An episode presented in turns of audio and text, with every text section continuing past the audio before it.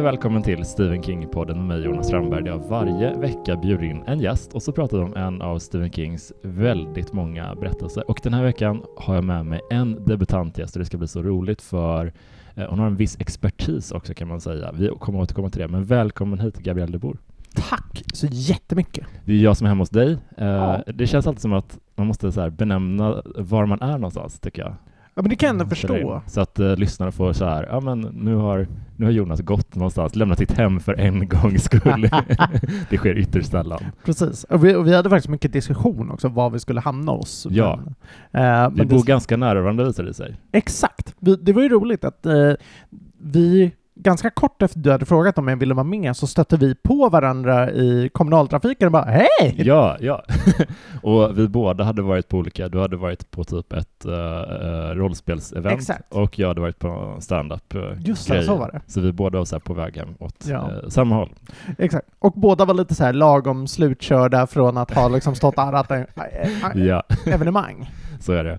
Vad, vad kul och, och att du vill vara med i podden i alla fall. Men- Jag vill jättegärna höra lite om din relation till Stephen King. Hur ser den ut? Hur började den? Min relation till Stephen King började egentligen ganska roligt, för den började med de här, så här tv-bilagorna man fick till Aftonbladet. Det var så att man kunde köpa så här veckans liksom, eh, saker som gick på tv. Mm. Och där kommer jag ihåg att ja, men då satt man ju och bläddrade, för att det var alltid jättespännande att läsa om vilka filmer som skulle gå. Mm. Ehm, och det här var jag, alltså, jag kan vara inte jättegammal i alla fall. Och då kommer jag ihåg att många av de här filmerna som dök upp, som man hade hört om, de här ska vara läskiga, eller är väldigt läskiga, Um, det var ju ofta Stephen King-filmatiseringar. Jag vet att jag hade en kusin, han hade blivit jätte, vad heter det, skrämd över det, så det var en sån här, när det stod om den, och så här, oh, men den ska vi inte se, för det vet jag hur rädd han hade blivit, och så stod det om Salem's Lot, och då var det så här, ja, det är Stephen King som har skrivit den också, som har skrivit det, så den lär ju också vara jätteläskig. Och sen såklart The Shining, som Mm. är var en sån film som min pappa pratade väldigt mycket om. Han är inte jättemycket för skräck normalt sett, han älskar Kubrick och han älskar The Shining. Så Mm. det var också en jag hade hört om. Så att, men King var liksom en som...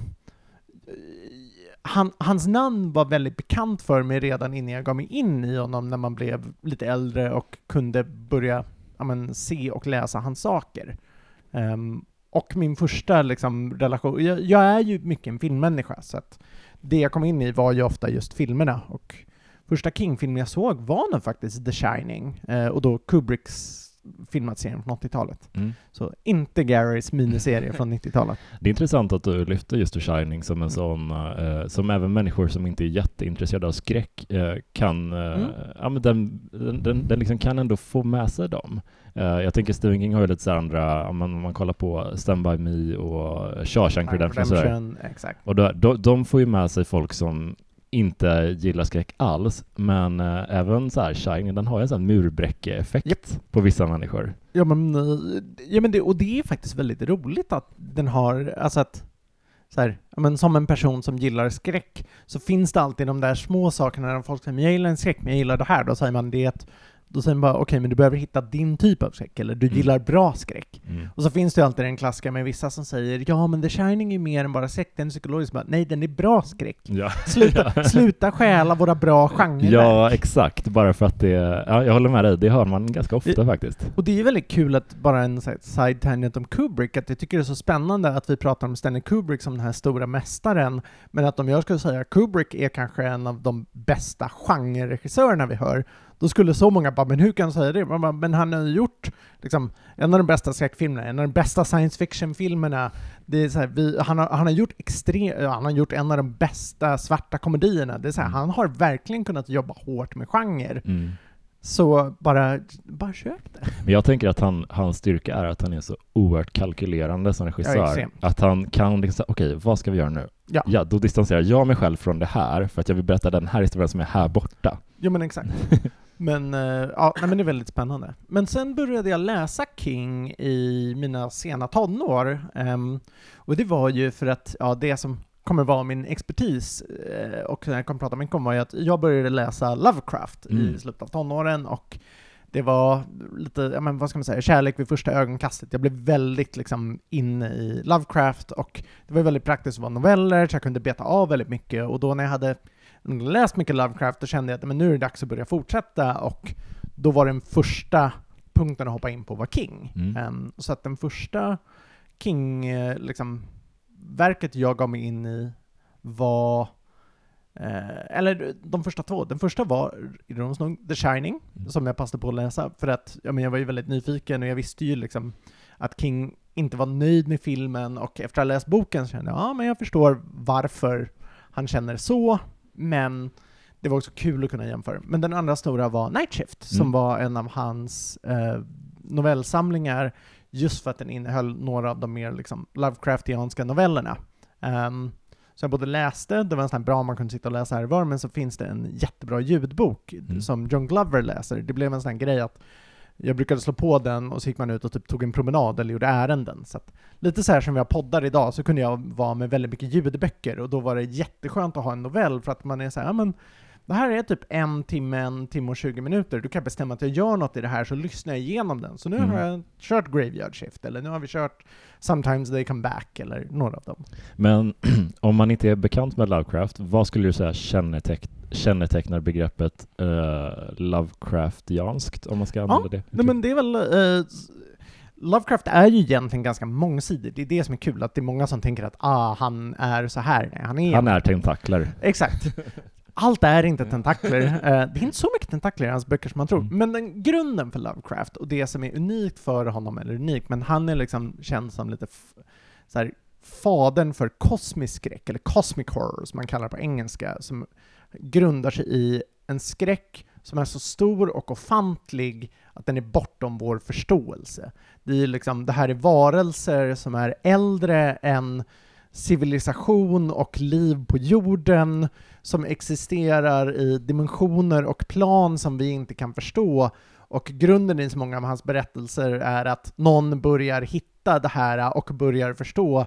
Och folk blir inte så galna som många tror. I hans berättelser det ändå en återkommande grej att folk liksom mister förståndet eller att det här påverkar dem psykiskt. Mm. Ehm, men de flesta av hans noveller slutar mer med att någon så här nu har jag lärt mig det här och jag måste leva med vetskapen om vad som finns. Men han är ju förtjust i, alltså till en viss grad tentakler, men det är ju det här också att han, det är ganska känt så här It was as if här, words could not describe är liksom en klyscha han har mycket, att vi kan Mm. inte riktigt förstå i, i våra sinnen hur de här liksom hemska monstren, eller varelserna tycker jag är bättre att säga och ser ut. Jag är inte jätteförtjust i folk som försöker säga att de är monster för Mm. att ehm, jag brukar säga att det är bättre att tänka på den som en naturkatastrof. De existerar och är ett faktum som är liksom så bortom i deras potentiella förstörelse. Mm. Men de har inte ett monster, för de har inte ett monsters agens av att liksom, ta död på, våra, på oss människor till exempel. Och det är också lite av poängen i att mänskligheten är totalt obetydlig i Lovecrafts Mm. eh, verk. Men äh, vi pratade lite, väldigt, väldigt kort om det i avsnittet eh, om It som släpptes idag när vi spelade in där.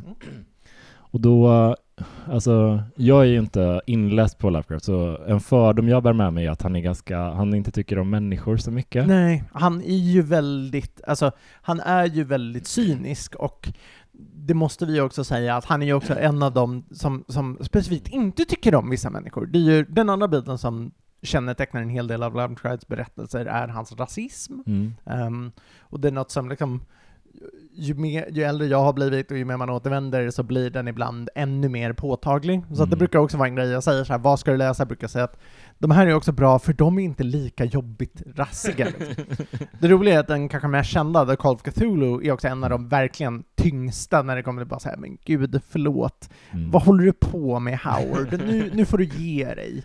Ehm, Men vad, vad tycker du man bör, om man är lite nyfiken på Lovecraft, eh, för vi, många, alla den här poddens lyssnare är ju såklart väldigt inne på Stephen King, Mm. eh, kanske inte alltid har bekantat sig med Lovecraft, men vad, vad är en bra inkörsport skulle du säga? Eh, en av de bästa är ironiskt nog hans första novell, eller en av hans första, Dagon. Mm. Ehm, den är till att börja med väldigt kort. Mm. Ehm, den handlar om en ubåtsbesättning som ser något stort och hemskt under vattnet och sen förföljs de här av Jag får vetskapen. nästan gåshud redan Ja, men det, det, är här, det som är grejen med den är att den är verkligen en, alltså den innehåller nästan exakt alla Lovecraftianska troper i liksom, i den berättelsen. Och Mm. ja, återigen, den är kort, den är lätt att ta till sig.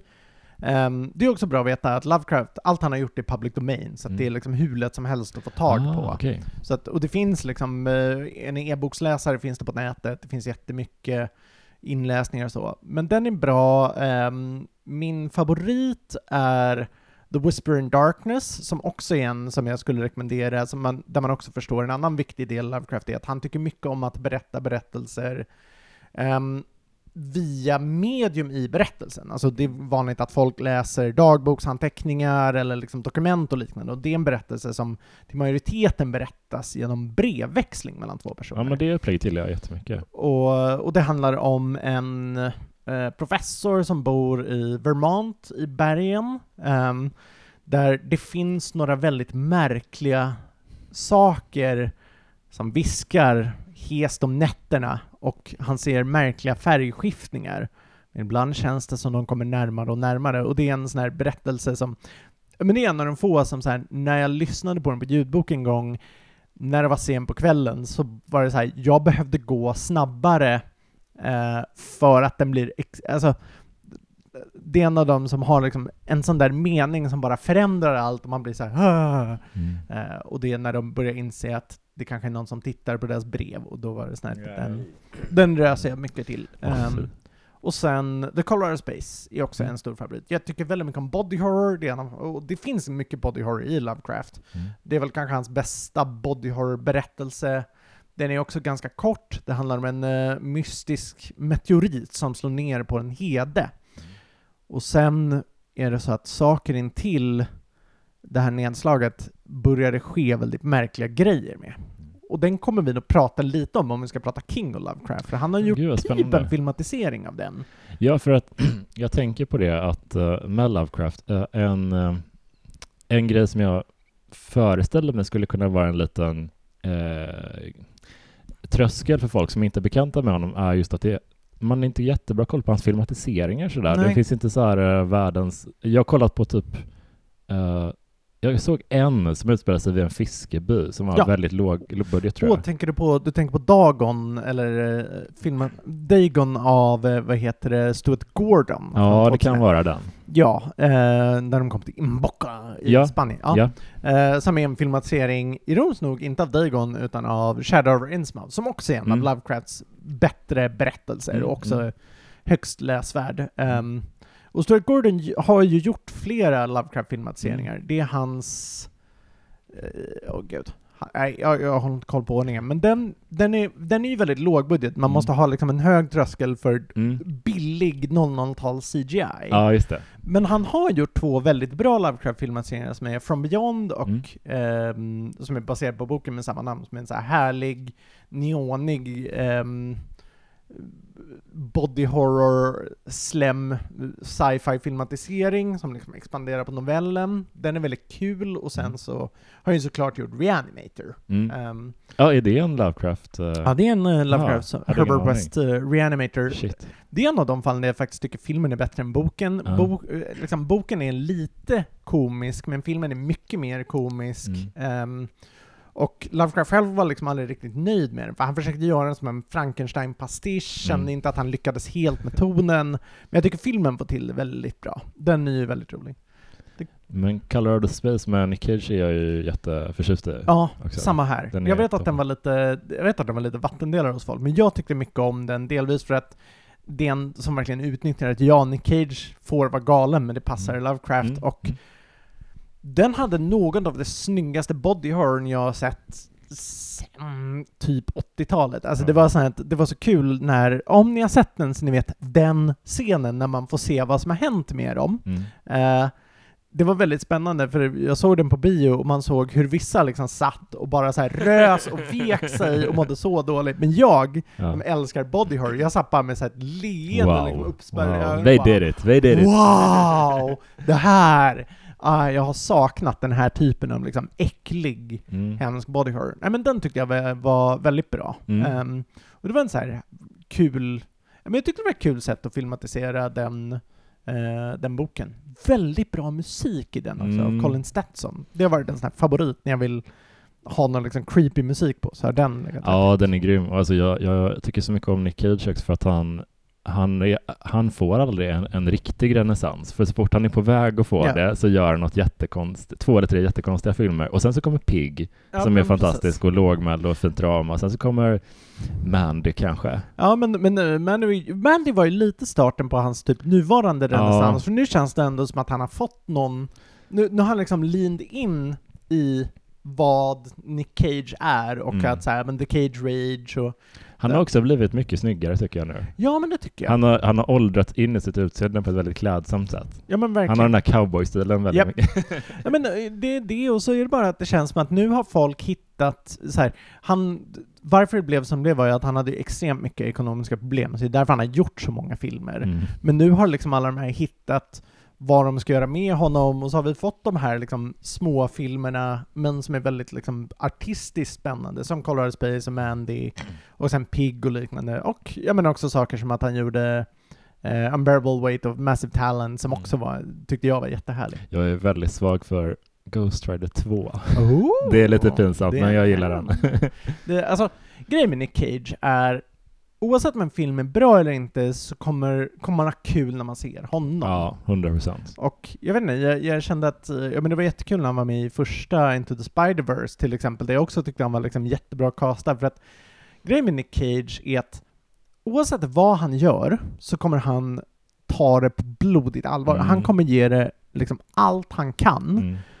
Även om det är Ghost Rider 2, där, jag vet inte om det, det finns en jättehärlig intervju där han pratar om sin process som han kallade för Nouveau Shamanic, när han ville inspireras av så här gamla shamaner som var liksom grunden för skådespel och han hittade liksom gamla märkliga stenar som han sydde in i kostymen. Och då kände jag att så här, Ghost Rider 2, men nu har jag verkligen kommit ner här, men gud, vi behöver mer personer som bara goes all in, vad de än gör. Ja, men jag har märkt att jag, jag, jag kommer från landsbygden och Mm. eh, har verkligen på något sätt vuxit in i att det är okej att känna att någonting är så jävla metal inom Ja, ja. citationstecken. Ja, ja, är Och jag tycker Ghost Rider-filmerna, fan de är metal alltså. Ja. Det var för länge sedan jag såg dem, men de är definitivt bra läge att se om. 100 procent. Och- vi ska snacka om en lite speciell King-novell idag. Mm. Crouch End som kom i Nattmaror och drömlandskap, novellsamlingen. Exakt. Eh, men från början publicerades den faktiskt i en annan novellsamling som Mm. heter New Tales from the Cthulhu Mythos. Mm. Mm. Som, och sen hamnade den i just Nightmares and Dreamscape som novellsamlingen heter på engelska. Men den är ju en av få, jag, kanske, jag kommer inte på någon annan just nu, men en av extremt få som inte utspelar sig i USA. ja, Av Kings berättelser. Den utspelar sig i en London-förort som heter Crouchen och finns på riktigt. Jag var inne och kollade faktiskt Oh. bara för att se spännande. vad är det här för, för plats. Mm. Eh, It was recently voted the best place to live in London by the Sunday Times. Så lite annorlunda mot hur det ja, beskrivs ett, där. ett, ett, still, ett stillsamt område, många kreativa människor, många författare Mm. kommer därifrån. eh, eh, Katie Moran, eh, Mm. jag tror Peter Straub bodde där en period också, Mm. sa Hel- Helena Dahlgren, vår gemensamma vän. Spännande. Eh, så att eh, det, det är lite speciellt ändå att, att, att se King röra sig så här långt hemifrån Ja, gud ja på något sätt. Och, och den är ju, alltså... Eh, eh, det, ja, till att börja med, jag, jag lyssnade på en ljudboksinläsning. Det finns en jättebra med Tim Curry som läser den, och han är väldigt passande i den. Um, men en av de liksom, första referenspunkterna jag kände var, den är lite för mig som typ An American Werewolf in London, det här med att det känns av ändå på något sätt, det här är en amerikan som har skrivit, för det finns Mm. något lite liksom turistigt Mm. i hur den porträtterar London, men det är ju också att den porträtterar genom amerikanska ögon. Vi följer ju två amerikanska turister i Mm. den. Ja, men jag tycker det, det blir ett intressant perspektiv, för, kan, för för en gångs skull så ser King på en plats med alltså, helt nya ögon. Mm. Och det, han är ju så himla hemtam i Maine och i New Hampshire och sådär. Det, vi har varit där så mycket och jag älskar att vara där, men det är lite intressant och en liten detour här. Ja men verkligen. Det är också väldigt intressant eftersom det är hans mest öppet Lovecraftianska bok, vilket är spännande för att de två var ju båda från New England. Mm. Ehm, Lovecraft var från Providence, eh, Rhode Island och många av hans berättelser utspelas antingen där eller i hans fiktiva stad Arkham i Massachusetts.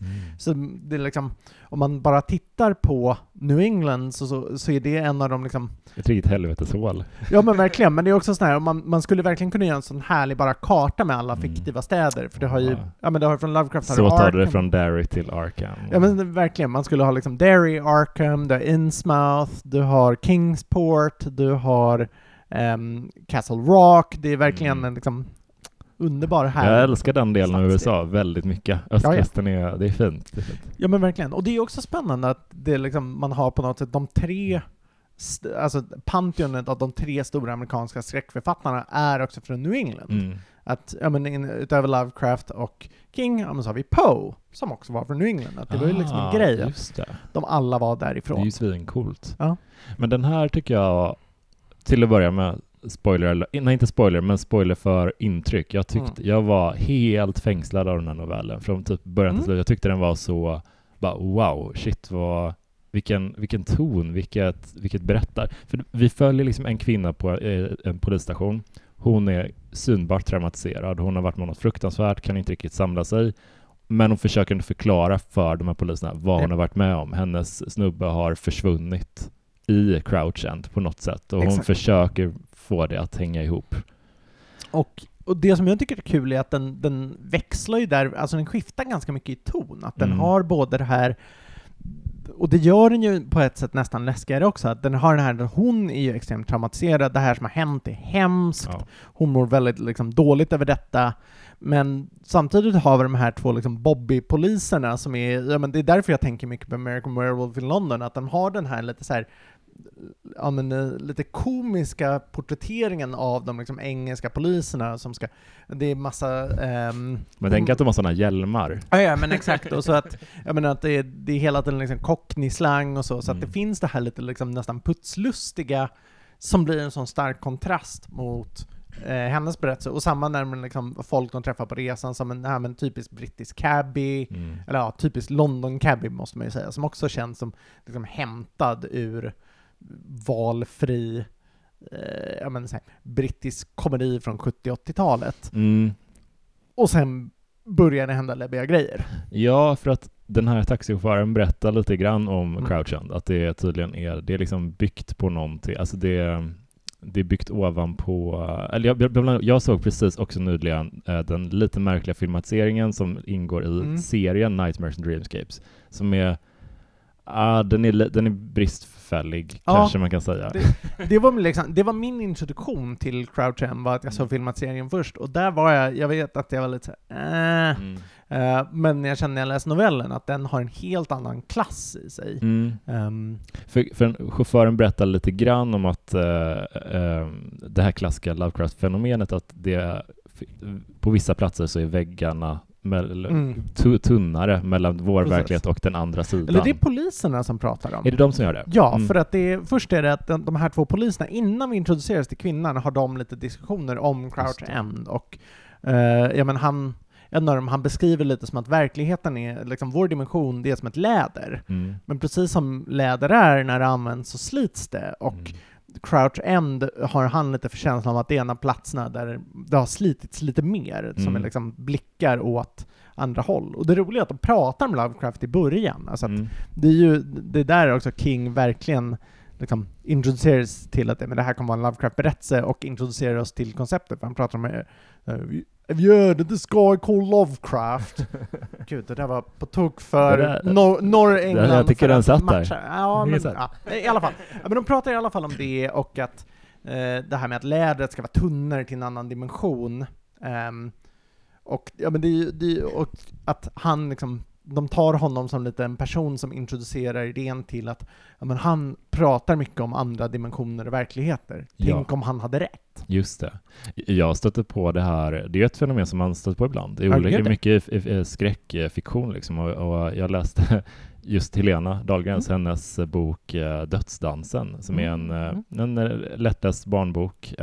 Eh, Där nämns de tunna väggarna mellan, och jag bara, att introducera det begreppet, jag tycker det är eh, hedervärt. Ja men verkligen, och det är ju liksom en, eh, men, och det är ju också en av dem vi pratar om, vad som kommer från Lovecraft, det är ju Mm. något som är återkommande i hans berättelse. Kan man säga att det är då någonting vi ser ofta hos Lovecraft? Det här, Ja, ja, Absolut, och det, är ju, och det är ju ibland är det inte nödvändigtvis andra dimensioner så mycket som att det liksom, ja ibland är det rent av rakt av andra dimensioner, men sen kan det vara mer liksom att världen är större, att de här dimensionerna finns, men vi kan inte uppfatta dem, Mm. men genom det här så kan vi komma närmare. Den tydligaste exemplet på det är ju berättelsen eh, From Beyond, som handlar om att the, the pineal gland, som är liksom en ja, som sitter i oss, att om vi skulle aktivera den till fullo, då skulle vi kunna betrakta den kompletta verkligheten, och såklart är det någon som gör det. Nej.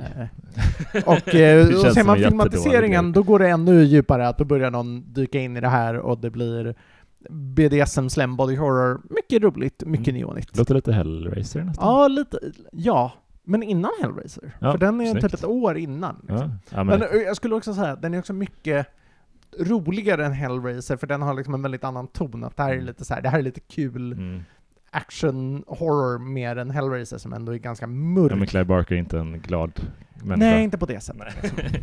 Eh, Men det, jag tyckte det var så intressant för att det, det introduceras många så här små i Crouchen, de här små, eh, vad ska man säga, förebuden om att någonting är inte som det ska på Ja. den här platsen. Som att eh, eh, det- den här kvinnan, hon berättar liksom att hon har läst någon artikel om att eh, underground eh, catastrophe, någonting. eh, Underground horror, eh, och så är det, och det, för det kommer jag ihåg att de just använder uttrycket underground horror, eh, för det känns också som att så här, ah, det här kan ju vara något mer än bara Ja, typ olika- så här, Jag tror någonting, det var typ 60 personer som hade ja, eller Lost. Just det, Lost. Det var ex- extra så här, Just det, hon, Underground Horror 60. Ja. Men hon drar någon parallell, så här, ja, men det, det är så när man läser om förlista fartyg, Ja. att eh, så och så många personer har försvunnit. Vi Mm. vet inte vad som hänt med dem. Och, men det är just det att underground är ju eh, ja, men, tunnelbana. Ja. Det är så, det, man benämner det så. Men för en amerikan, det låter lite... Ja, men, och det diskuterar de ju också, Mm. att liksom, eller uh, the tube as they call it, men det är ju, och det är ju en sån här fras som hon återkommer till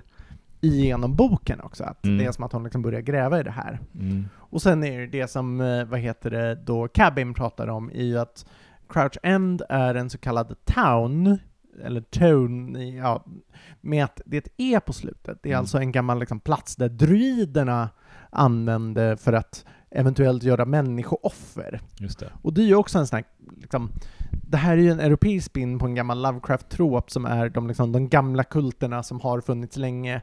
Eh, återigen kulterna med människooffer, vilket en del gör, inte alla, men det är en sån här, ja, som med många troper, vi tänker att alla gör det, men det är ändå ganska återkommande och där är det kul, där är det ju också roligt att King drar in åt det här, alltså den ändå mer existerande mysticism och magi vi har, Mm, som vi har med liksom druid-tankarna. mm, och ja, men det finns ett uttryck att man brukar säga att det som eh, man pratar ibland om att det här drar ju också lite åt det som man kallar för eh, Campbell horror, eh, Mm. från Ramsey Campbell, som också skrev berättelser i Cthulhu-mytosen, men som utspelar sig i England. Och jag läste en bra, eh, bra beskrivning att ehm, en, eh, det, och det som skiljer Lovecraft gentemot till exempel Campbell är att i USA, då har man stora avstånd. Då Mm. kan man ha den gamla staden som ingen visste fanns. mm.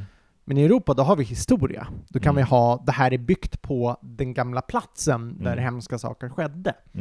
Mm. Eh, och det går de ju verkligen in på här i Crouch End. Liksom. Mm. Ja, men jag tycker om det där mötet i Kings författarskap mellan den här, det här ur, jätteamerikanska, det Mm. hemtama, den här western-ideologin och det främmande, det här europeiska, nordiska, ofta liksom våra, våra mytologier. Han plockar ofta in dem. Det, Ja. det blir en spännande twist på, ja men verkligen. på Och, all American. ja men verkligen. Och sen är det ju också, det är ju väldigt tacksamt när man som här börjar titta på ja, men någon slags liksom, verklig okkultism. Mm. Så att det inte bara är så här, nu har vi hittat på allt, utan ja, men det är ändå rimligt att kunna göra kopplingen att ja, men till druider, druidtro till exempel. Ja, men det, det börjar ganska tidigt gå, Mm. gå dåligt för det här Ja, stackars gud, paret. För att Ja. de, eh, de blir avlämnade av sin taxichaufför för att de ska kolla upp någon adress eh, Ja. vid någon telefonkiosk. Typ. Ja, Eh, precis. Och han bara, jag stannar här och så eh, kan ni kolla upp adressen och sen bara åker han. Japp. Douche. Men det, ja. Och Måste det, verkligen hata amerikanska turister. jag tänker att det är det, men det är också en sån här, för mig är det också att det, det är ju roligt med den här, man kommer till den liksom gudsförgätna platsen, att det är också lite den här känslan av, eller så som jag såg det också, att det är lite den här känslan av jag vill inte vara kvar här, så hoppa av Mm. här hi, Mm. hit men inte längre. liksom. Istället för att typ varna dem på riktigt, eller liksom så här, det är klart att han planterar lite Ja. sådär, men han kunde ju varit mycket mer bara, ni vill verkligen inte åka hit. Precis. Men det, är väl också, men det är väl också det som är kul, är att den inte går rakt ut, ni vill verkligen inte åka hit, för att Nej, just det, det är man, inte som man med har hört om 13. det, men, men, men det är ju inte som att det...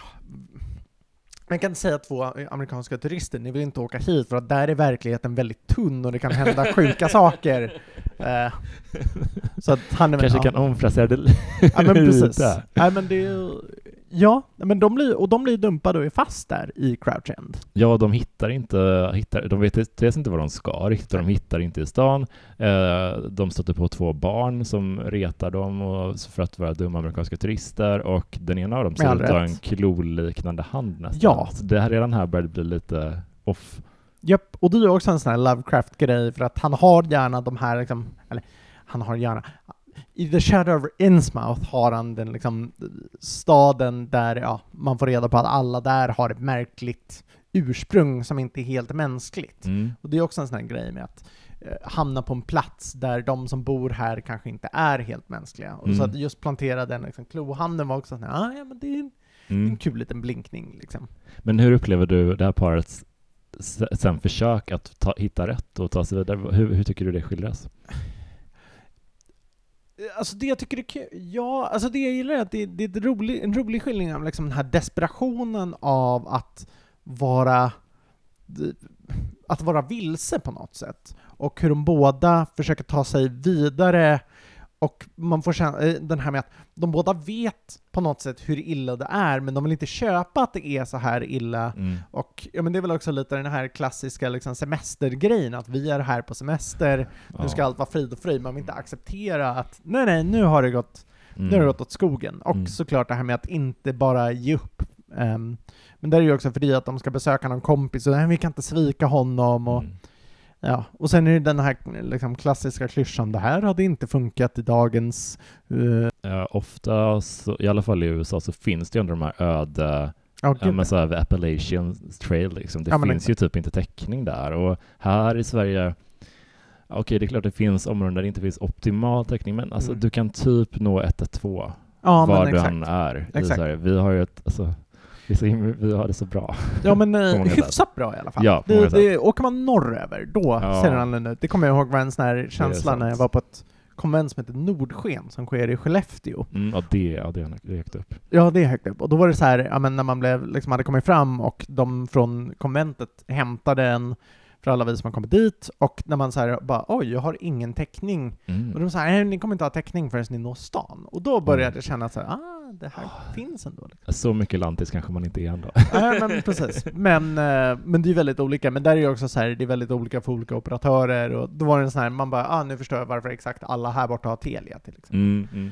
Ehm, men bara side-note att eh, det tycker jag de löste fint i Mats Strandbergs konferensen, både boken och filmen, hur de handskas med mobiltelefonerna där till exempel. Mm. Att ja, men de har någon lite så här new ageare som ni ska lägga de här i Ja. en liksom en box och samla in dem för att de inte ska störa. Och då är det så här, ja men då kan vi få ut dem ur handlingen, men det Mm. känns ändå väldigt rimligt inuti. Ja, jag gillade det också. Ja. Jag, jag stör mig heller inte på att ha ingen täckning. Jag har typ bara slutat bry Ja. mig om det. det. Det är klart att det kan vara så nu. Jag, jag tänker att det beror väldigt mycket på vad det är för typ av plats och berättelse. Alltså Mm. tittar man på typ The Ritual eller Midsommar Jag eller älskar Ritual. Ja, Gud vad bra den är. fantastiskt bra film.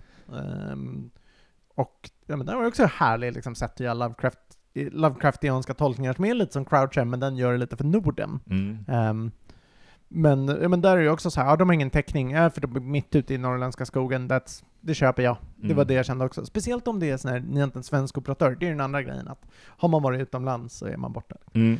Och, och där kan jag säga, om någon av er får för er att ni ska skriva mer skräck i London, Mm. så är det jättedålig täckning i tunnelbanan, eller typ ingen Ah. i tunnelbanan. För det Okej. minns jag när jag var där för fem år sedan. Ja. Och då var det så här, för det här var ju innan de hade gjort Brexit, så att, ja men då var det här, då var det gratis att surfa, och det var Mm. jättesmidigt, så jag kunde kolla upp grejer på Google Maps så jag skulle åka. Mm. Men så fort man gick ner i the underground, då bara så här, ja just det, nu har jag ingen täckning här nere. Men de tog väl skydd där från bombningarna va? under kriget Ja. och sådär, så att det, Det är det, det. är så himla säkert men det är ju verkligen, japp, ja men det är ju det. Men det var också en väldigt spännande känsla av så här att jag behövde liksom kolla upp själv och skriva ner allt eller screenshotta det, Mm. för att jag visste att jag kommer inte kunna få feedback förrän jag har kommit upp ur den. Mm. Liksom.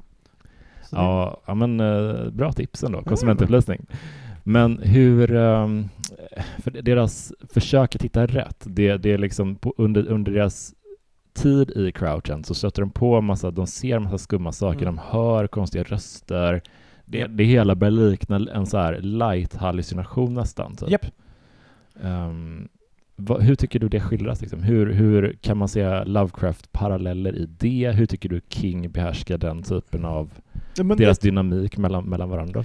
där, alltså det finns ju, där skulle jag säga att det är mer King än Lovecraft, för Lovecrafts grej är ju, alltså till att börja med, Lovecraft var väldigt mycket akademiker själv, eller i alla fall drog sig åt det hållet, och väldigt många av hans berättelser handlar om akademiker, så där är det, där finns det alltid ett försök att på något sätt vara väldigt så här nästan vetenskaplig i skildringen, Mm. och att i många fall är det bokstavligt talat en vetenskapsman som ser detta och gör sitt bästa att försöka liksom, teckna ner det eller återberätta till oss. För att, ja, det, det, det är däremot den biten som King har lånat av Lovecraft här, är att det är en berättelse som har en förklaring till varför den berättas. Mm. Alltså att vi, I det här fallet så följer vi till en stor del kvinnan som återberättar vad som skedde, eller i alla fall vad de har upplevt, att det finns en liksom framing device, och det är i många av Lovecrafts berättelser, eller nästan alla. Så att, ja, men, eh, några av dem är det liksom uttalat som the statement of Randolph Carter. Så här, han berättar vad som skedde honom. Eller om man läser typ att The Madness är det en forskare som berättar om den här eh, expeditionen som gick dåligt, för gör aldrig detta igen. Eller Mm. så. Ehm, men, det, men det här känner jag däremot att det är ju något som liksom King har lånat från Lovecraft, men det är mycket mer King i det här att Alltså till att börja med, han skriva en relation, det tyckte inte Lovecraft om. Mm. Eh, det är väldigt sällan man har liksom till exempel gifta par.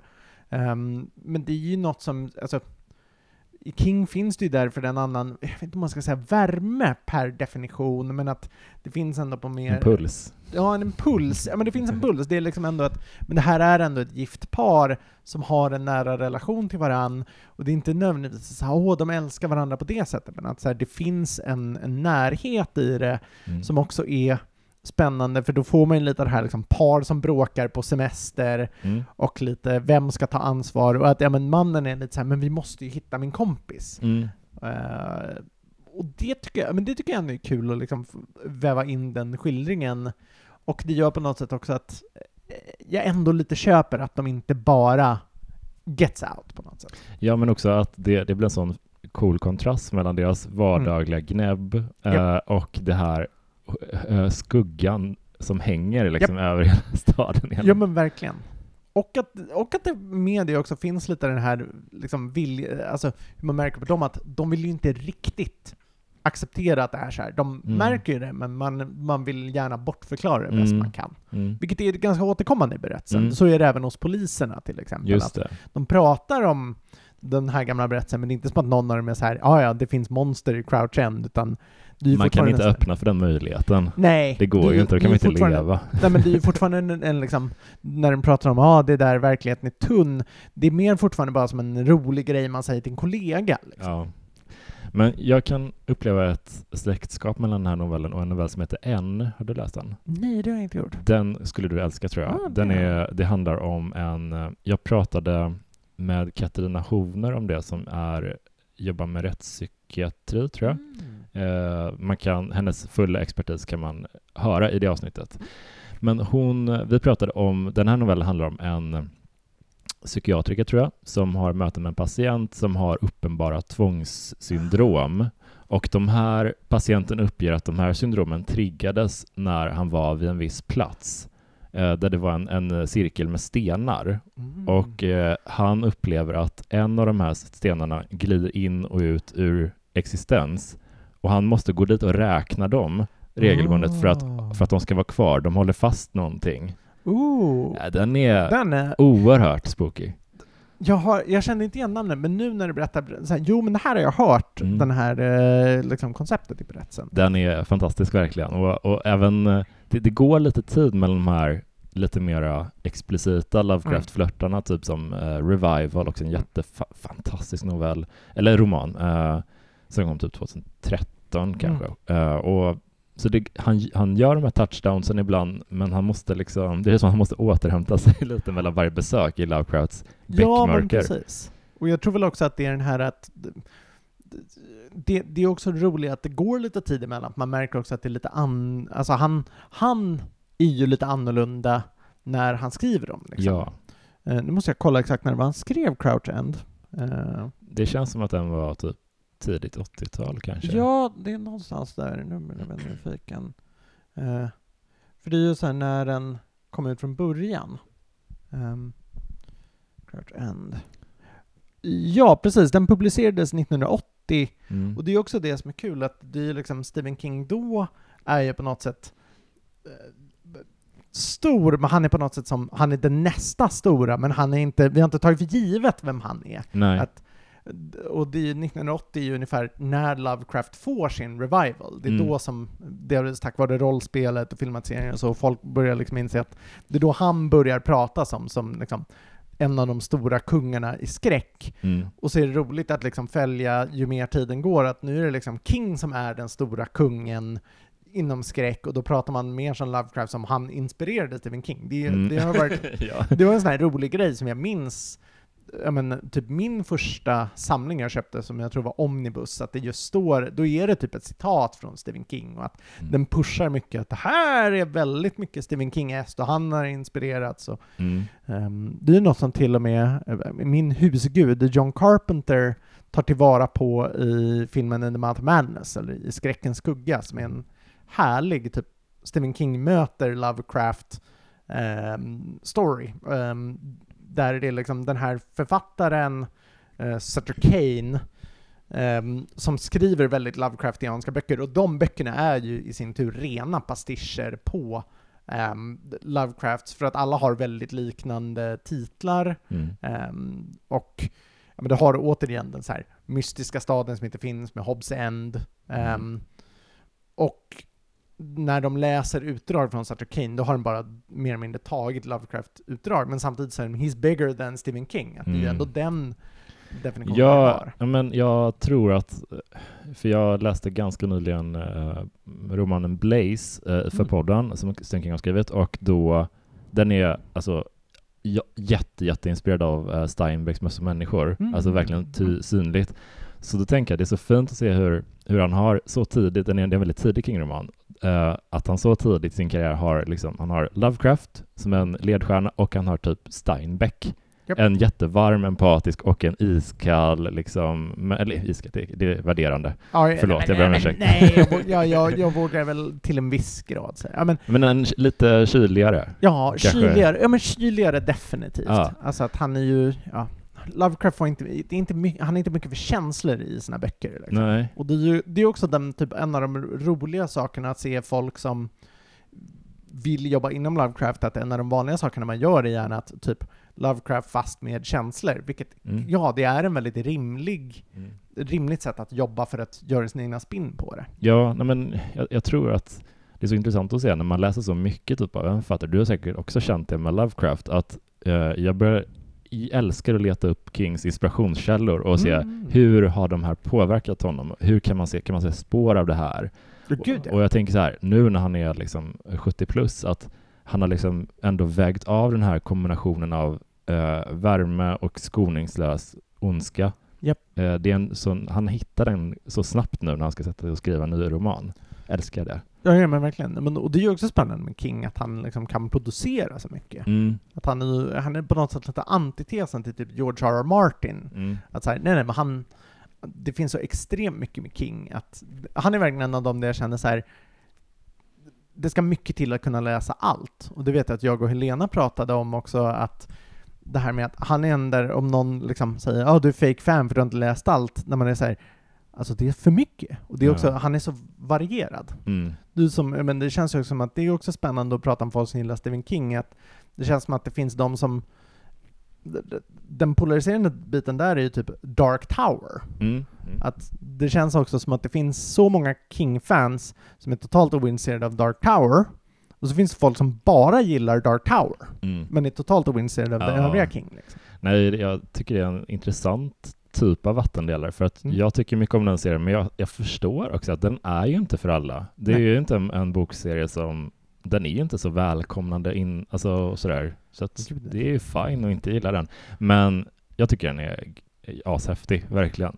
och, och där har vi ju också återigen den spännande Lovecraft-kopplingen att Randall Flagg eh, beskriver han, eller sägs ska vara en aspekt av Nyarlathotep, som är en av. Lovecrafts liksom sto- de stora i Pantheonet. Vad är det för figur? Eh, så eh, Nyarlathotep är the messenger of the outer god, så att det finns liksom... Sen måste man förstå att en viktig bit att komma ihåg med Lovecraft, för nu låter det som att jag pratar som ja, det finns en stor etablerad lore. Nej, det var inte så, utan han bara kom på grejer under tiden, och så var det så att han hade ju också jättemycket författarkompisar, och han var redan då inne på att men har ni saker så skriv, och så var det en sån här att man, man också jo, ja, att man hyllade varandra genom att referera varandras verk, så då blev det en del av mytosen, men det, var, det finns liksom ingen bibel Mm. för det. Mm. Ehm, Det borde göra kanske. det heter rollspelet. Ro- eh, alltså rollspelet var typ där man liksom skapade någon idé om något övergripande universum. Sen har den, nej, det och sen August Derleth hade någon tanke om det, vilket är rätt omdiskuterat. Men jag brukar gå mycket på att så här, att det finns någon sort of idé om det, men det här är också att, att det är inte skrivet i sten. Mm. Ehm, men där är i alla fall att grunden är att men du har, i mitten har du eh, guden Assatoth som är ja, the blind idiot god, eller han är liksom det konstanta kaoset. Han är ungefär som en liksom konstant kärnreaktion som sker. Mm. Ehm, men han vet inte halvt om sin existens och skulle han göra det eh, och vakna så kanske universum tar slut ungefär. Alltså det är Mm. liksom... Again, det är extremt Så cyniskt sla, det här. slappna aldrig av. Nej men exakt, nej men det är lite så att han eh, och...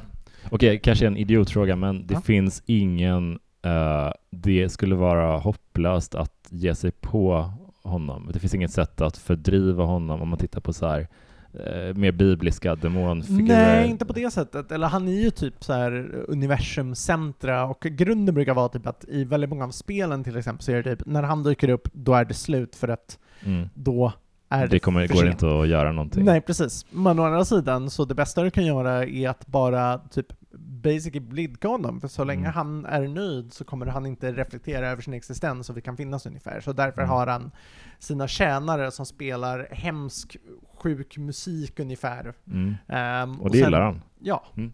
Och så finns det då hovet med de yttre gudarna, vilka de är, är lite, det växlar lite. Mm. Ehm, men de stora som pratas om där är bland annat Yog-Sothoth, som om vi pratar om det här med dimensioner, att Yog-Sothoth, det är liksom hans stick kan man säga. För han är så kallad the key and the gate, att han är en port och en nyckel till olika världar och Mm. Yog-Sothoth existerar i någon slags existens mellan alla de här världarna och är beskrivs som liksom en form av sfärer i olika färger, för det är den delen som vi kan förstå på vårt plan. Mm. Eh, och beskrivs mer i The Dumber Horror, som är också en av Lovecrafts väldigt bra berättelser, där man får den, och där har vi lite mer klassisk liksom tentakelmonsterskräck. Mm. Mm. Ehm, och sen finns det Shub-Niggurath, The Black Goat of the Woods with a Thousand Young, som ja, växlar mellan yttre gud eller de andra så kallade The Great Old Ones, Mm. som var liksom de här stora mäktiga varelserna som fanns på jorden en gång i tiden, och Mm. en dag ska de resa sig upp och ja, mänskligheten ska liksom pushas tillbaks till ingenting. Ehm, och där har vi bland annat eh, Cthulhu, som Mm. då är så här, Cthulhu är inte en gud, han är en överste präst. Okej. Eh, och han är en av the great old ones som nu ja, ligger död men levande och drömmer i relief ungefär, men en dag ska stjärnan stå rätt och han ska resa sig igen. Mm. Ehm, men då har vi, sen har vi Nyarlathotep som då är budbäraren för de yttre gudarna. Och den återkommande grejen med typ alla de här, så här yttre gudarna, Great Old Ones, så att de är relativt ointresserade av mänskligheten. Mm. Vi, vi, ja, de har sina kulter och dyrkare som vill blidka dem och få dem att komma tillbaks, men de har liksom ingen relation på det sättet. Eller ja, jo, Yogg-Sothoth har en bokstavlig relation med en kvinna i Dunwich Horror. Det, En människokvinna? ja, Okej. Eh, spoiler alert, det är det som skapar The Dunwich Horror och hans bror, att, Ah. att de är liksom avkom från dem. Men, men de är ändå på något sätt Men då är det lite grekisk mytologi Ja, ja, definitivt. Men det är fortfarande en sån här väldigt mycket okänslighet där, en återkommande grej. Att Mm. det är liksom,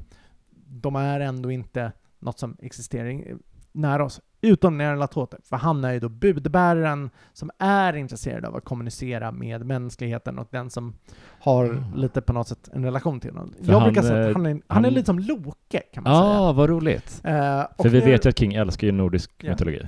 Och min grej med Nyarlathotep är också att han har olika former och aspekter. Så att Mm. vi har inte bara liksom Nyarlathotep, han är så här, utan han har bland annat eh, den mörke farao som är hans kanske mer mänskliga form, som, eh, eller en av hans mer mänskliga, som kan ha varit en liksom, eh, hemsk farao någon gång i gamla Egypten. Mm. Eh, och sen så fanns det från det också dyrkare som liksom ledde till, ja, under en så kallad mörk, osedd tid, som en, dyrkar en annan aspekt av honom som kallas The Haunter of the Dark, Mm. som är från en av mina favoritnoveller, The Haunter of the Dark, med samma namn.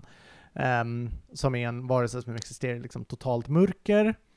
Ehm, men då är en av de sagda liksom, formerna ska kunna vara Randall Flagg, eller det är lite så här Mm. omdiskuterat, men det finns någon blinkning till att han skulle kunna vara en aspekt av Nyarlathotep. Och så som Randall Flagg är, det var på make total sense. Ja, men jag har tänkt ofta på honom som, eh, och har nämnt det någon gång i podden också, att han känns ju inte som Lucifer, eh, om man ska gå till så här, ja men Kings, den som religion borde ligga honom närmast i den här Mm. klassiska am- amerikanska kristendomen Japp. lite. Men han känns inte som en biblisk djävul, Nej. han känns mer lite busig. Ja, Och, det, Och- det är Nyarlathoteps grej, att han är väldigt, liksom, han är ju lite, ja men typ busig eller så. Mm. Han, och han är, ju, han är ju därför också intresserad av människor och att Mm. just, Vad händer om jag gör så här? ja men lite så. Han, eh, det finns en väldigt rolig scen i eh, en av Lovecrafts mycket mer liksom, fantasy-aktiga noveller, The Dream Quest of Anan Karath. Mm. Ehm, för att ja, i Lovecrafts noveller finns det drömländerna som är liksom, Mm. det är en fysisk plats, men vi kan komma dit när vi drömmer, men vi kan också vara där fysiskt, och då är det liksom, vi får följa Randolph Carter som är en av de återkommande huvudpersonerna i vissa av Lovecrafts berättelser, och liten stand-in för honom, som liksom Mm. bokstavligt har The Dream Quest, och då slutar det med att han kommer till de yttre gudarnas hov ungefär, och får träffa Mm. Nyarlathotep och ha lite som en liksom, battle of wits. Eh, och då är det väldigt kul att se just den här... Det eh, låter ju svincoolt. Ja, men lite mer Jag vill eh, börja Ja, läsa ja. lite mer Lovecraft. Ja, men den är, den är väldigt kul. Och han är också en av de så här, ja, han är också, vad ska man säga, huvudpersonen i den kanske mest kända kampanjen till rollspelet The Call of Cthulhu som är eh, The Masks of Nyarlathotep, för att Mm. han har ju väldigt många olika masker och former och Ja, men han namedroppas ju också på klotter i Japp, uh, Crouch End. Det är ganska många som uh, namedroppas där, men det är just en av dem. Även Cthulhu och... Uh, eh, Azathoth vill jag minnas. Ja, och den här platsen där han sover. Eh, Relier, Rilje. precis.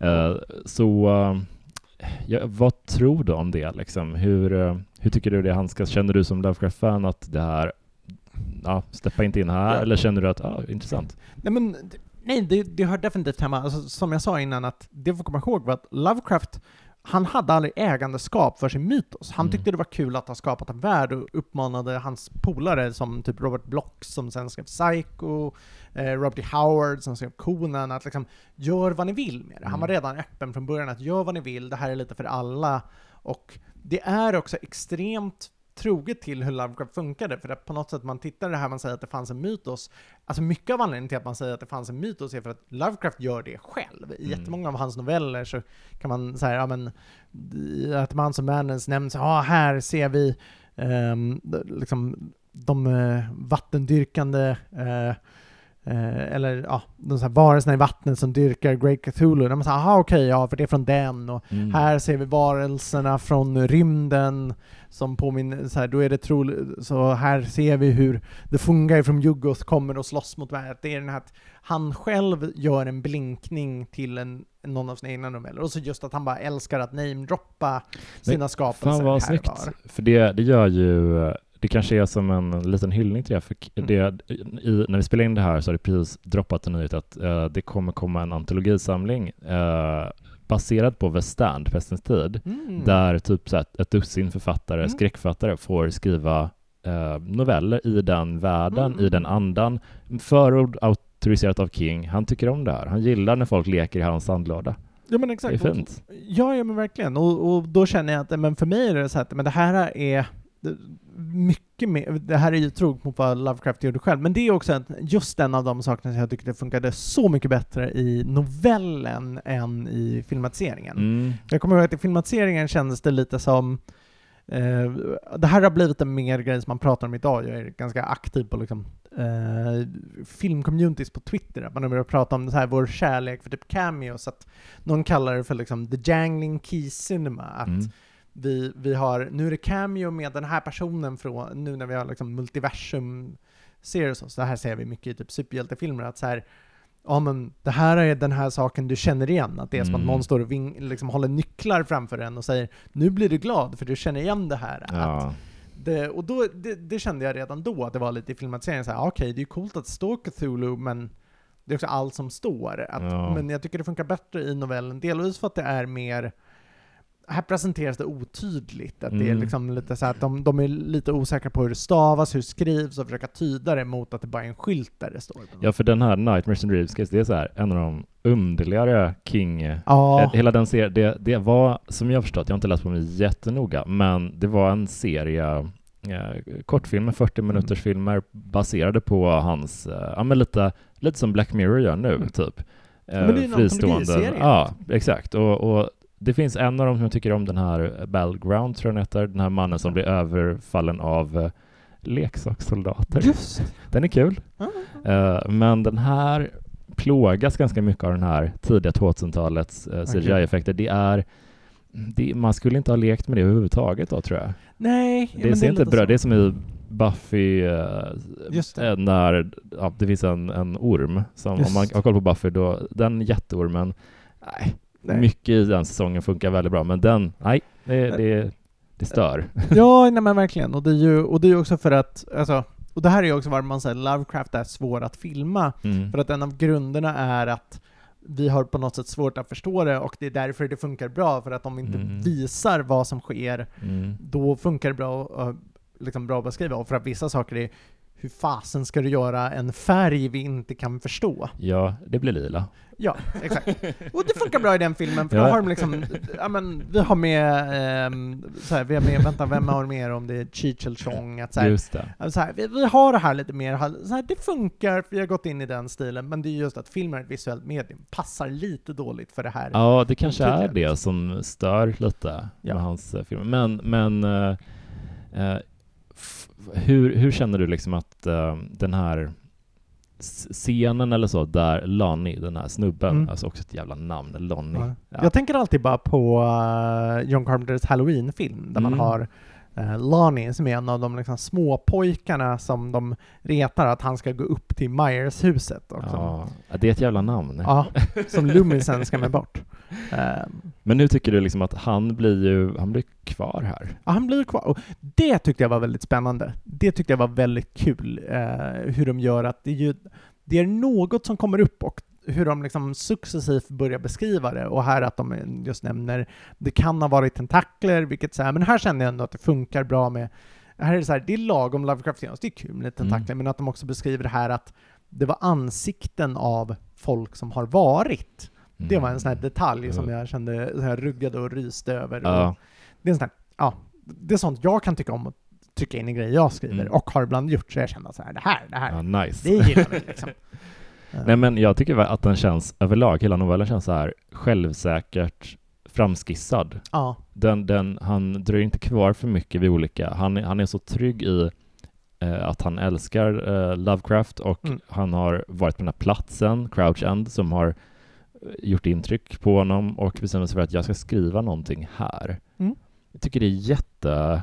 Det känns så tryggt skriven verkligen. Ja men verkligen. Vilket ironiskt nog också är en typisk här Lovecraft-grej, för att det, mycket av hans berättelser går att härleda till saker han har gjort, läst eller upplevt. Att Mm. så här, men det finns hans, typ det man pratar om New York-berättelserna igen, när Mm. han flyttar till New York och hur det påverkar honom. Så då är en av hans mer Positivt? kända... Ja, ja, alltså nej, inte till viss grad, för det är då han också börjar träffa folk från andra kulturer och då får man the horror Red Hook, eh, Mm. som man gör bäst i att undvika. Men man får också roligare saker som typ Cool Air, som basically är hur livrädd han är för air conditioning, Mm. som är en grej. Men det är en av hans liksom, New York-berättelser som handlar om en kille som bor i en lägenhet, som har en väldigt märklig granne som alltid har det väldigt kallt och hur han efter att ha besökt det här aldrig någonsin kommer kunna liksom, känna drag och kall luft på samma sätt Mm. igen. Och så får man reda på att ja, varför det här finns. Och det byggde delvis på att Lovecraft hade flyttat till New York där folk hade air conditioning och han sa "Ah, hjälp!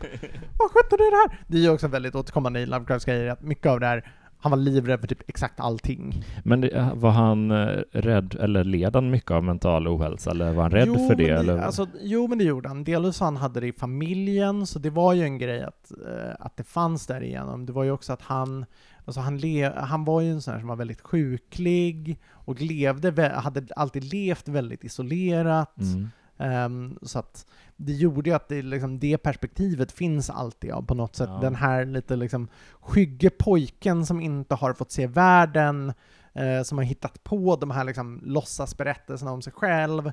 Eh, och nu börjar, så ju mer han exponeras till världen, desto läskigare känns den. Och då, Mm. Men då är det på något sätt att sedd ur den här liksom väldigt rädda unga pojkens idé om att göra något läskigt av allt som finns. Ja. Ehm, Men där tänker jag man kan ändå se en parallell på ett visst sätt, lite generöst kanske, men eh, med King, hur han liksom har berättat i flera intervjuer att, att det är hans, en av hans största farhågor är liksom när hjärnan slutar Ja. funka som den ska. exakt. Och det kan man ju för en kreativ person, särskilt för en person där kreativiteten har varit en räddning ur Japp. någonting annat, när den försvinner, den livlinan, Japp. fan det, det kan man verkligen förstå. Ja, och så verkligen. fruktansvärt. Och det är ju något som jag också tycker är spännande med King, är ju hur han ibland verkligen är så öppen med sina demoner i böckerna. Mm. Så att så här, jag vet att när jag läste The Shining så förstod jag direkt varför han ogillade Kubricks film. Mm. För att det var så här att den pajar ju vad King har skrivit om som är hans egna demon, alkoholismen. Mm. Och det gör in, det handlar inte filmen om, den handlar Nej. om något helt annat. Som jag också tycker är jättebra, men de är bra på olika sätt. Ja, absolut. Det, men det är väldigt mycket Kubricks tolkning av Kings roman. 100 procent. 100 procent. Um, Jag fastnade så mycket för slutet i den här eh, Crouch End. mm, Där, Ja. eh, för hon, eh, jag gillade inte så här, men hon tar ju livet av sig. ja, Hon, hittar, eller hon hittas död. exakt. Hon hittas död. Och att hon har ju också under en lång period liksom blivit sämre. Det är ju Mm. också den här att där får man också ett väldigt typiskt Lovecraft-slut, för att det är ganska vanligt att många av hans berättelser har den här lilla epilogen på något sätt om vad som händer efter, Mm. där det inte alltid går bra för folk. Det är vanligt att så här, någon som dök upp blev galna, och här har vi Mm. det. Men hon eh, hamnar just på ja, hon mår bara sämre och sämre psykiskt, hennes hår blir helt vitt och hittas sen död. Och så är det också att den, en av poliserna försvinner. Mm. Han bestämmer sig för att det här, han tycker ändå det här är märkligt och beger sig ut i natten för att hitta något mer och sen försvinner han bara. Han är Mm. bara borta. Ja. Ehm, och det, det var också en av sakerna jag gillar, att de inte förklarar vad som händer med honom, utan han är bara borta och hon Mm. liksom Mm. pajas på något sätt här. Och att i den sista typ meningen så här, och lyder någonting i stil med att eh, ja, men folk fortsätter försvinna ibland i Japp. Crouch End. Och det är också en så typisk så här Lovecraft-mening, att han, han är känd, eller så här, det är så många av hans berättelser som har twisten är den sista meningen. Så man Mm. liksom, Eh, ja men två av de tydliga, Whispering Darkness har det, tänker inte spoila vad den är. Mm. Shadow of Time har, den an, har också en sån. Mm. Att, och det är en sån här återkommande att säga, när var jag hittade det där och så sitter man och bara såhär, vad sjutton var det du hittade? Och så kommer det på sista meningen och då är man så här, Oh. wow, det här har satt allt i nytt perspektiv. Shit, alltså jag tyckte det var, jag blev helt, alltså jag var med den här novellen Mm. hela vägen, verkligen tyckte den var så eh, ja, men engagerande. Mm. Det, var så, det var så 20 sidor typ, bara jättetajt liten lean berättelse bara. Ja, men den är så här härlig, ja, men den är, den är, och den, den är väldigt härligt obehaglig. Det är Mm. liksom det, det är en av sakerna jag gillar, och det är ju också det här med att de just, man har på något turistperspektivet, att Mm. han börjar i en väldigt familjär skräck som är att vara liksom, utomlands som det ändå kan vara när man känner att man, man har helt plötsligt ingen kontroll. Mm. Till och med som är att bara vara liksom, ja, jag är en amerikan i England, vi kan prata samma språk, men till och med det kan vara väldigt främmande. Mm.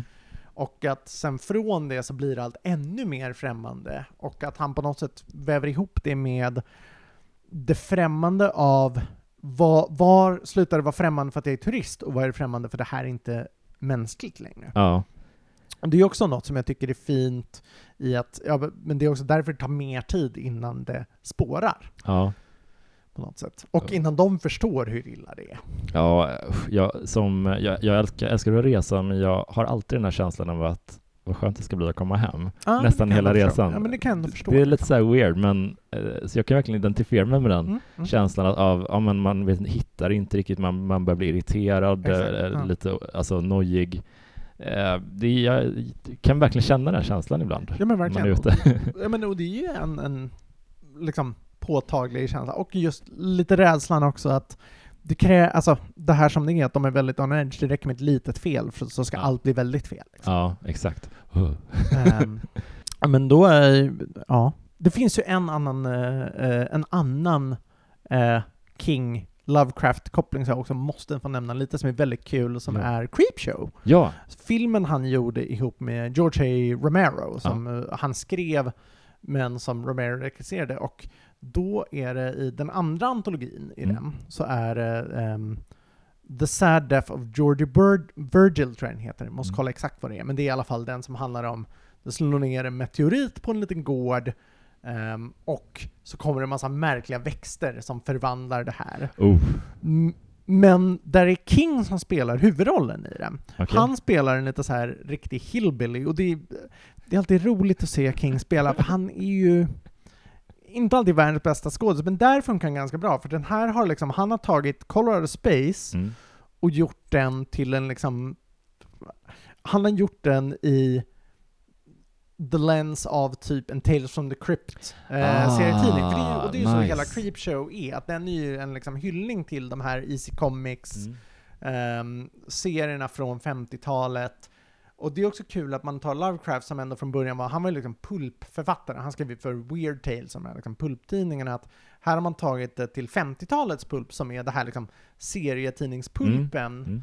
Mm. Eh, så att den är mycket mer komisk, den är väldigt färggrann, och det är också bara roligt att få se King spela över. Så det är Mm. också sånt de Den kommer jag kolla på. Ja, så att det, Creepshow är väldigt kul. Jag, jag kan säga en liten varning för det sista segmentet som är, handlar om kackerlackor. Men Creepshow är en, ett hett tips på en av de så här roligare 80-talsskräckisarna som en, jag vet inte om jag vågar säga en doldis, men den är, Mm. den är verkligen en kul skräckfilm och det är liksom hela poängen med Mm. den också. Att den ska vara rolig och underhållande och det är också en av de få gånger där man typ får se Leslie Nielsen spela lite läskig och han funkar Nice. väldigt bra i den rollen. Fan vad kul. Och eh, ja, men, men då, den är också väldigt rolig, den liksom Colorado Space-tolkningen kan man Ja. säga. Och jättekul att få se eh, King som liksom galen hillbilly som Oh crazy slam! ungefär. Jag kan verkligen föreställa mig det. Ja. Jag kommer fan se den direkt när vi Ah. eh, har spelat in här. Jättebra tips. Mycket, ja, men den är väldigt kul. Men tack för att du var med i podden. Alltså så roligt och jag bara, jag kommer börja någonstans med Lovecraft. Jag blir Ja. nyfiken Ja, men och det var väldigt roligt att få så mycket, ja, mycket matnyttigt och kul. Ja men vad kul. Vi får Ja. väl göra en, liksom, ta något så här Lovecraft-avsnitt och ta någon av novellerna och liksom prata ja, ja, För nu har vi pratat liksom hur King skriver Lovecraft på något sätt, och Mm. liksom hur det funkar. Men det vore kul att prata om det från andra hållet, om, om man jämför Lovecraft med King till Mm. exempel. Ja, definitivt. Definitivt. För att finns... Men vi, vi gör det. Det tycker jag. Det var en jättebra idé. Och tack för att ni har lyssnat. Hoppas eh, eh, ni tyckte om det här avsnittet och diskutera gärna novellen och Lovecraft och King-kopplingarna i Facebookgruppen så hörs vi om en vecka igen. Hej då!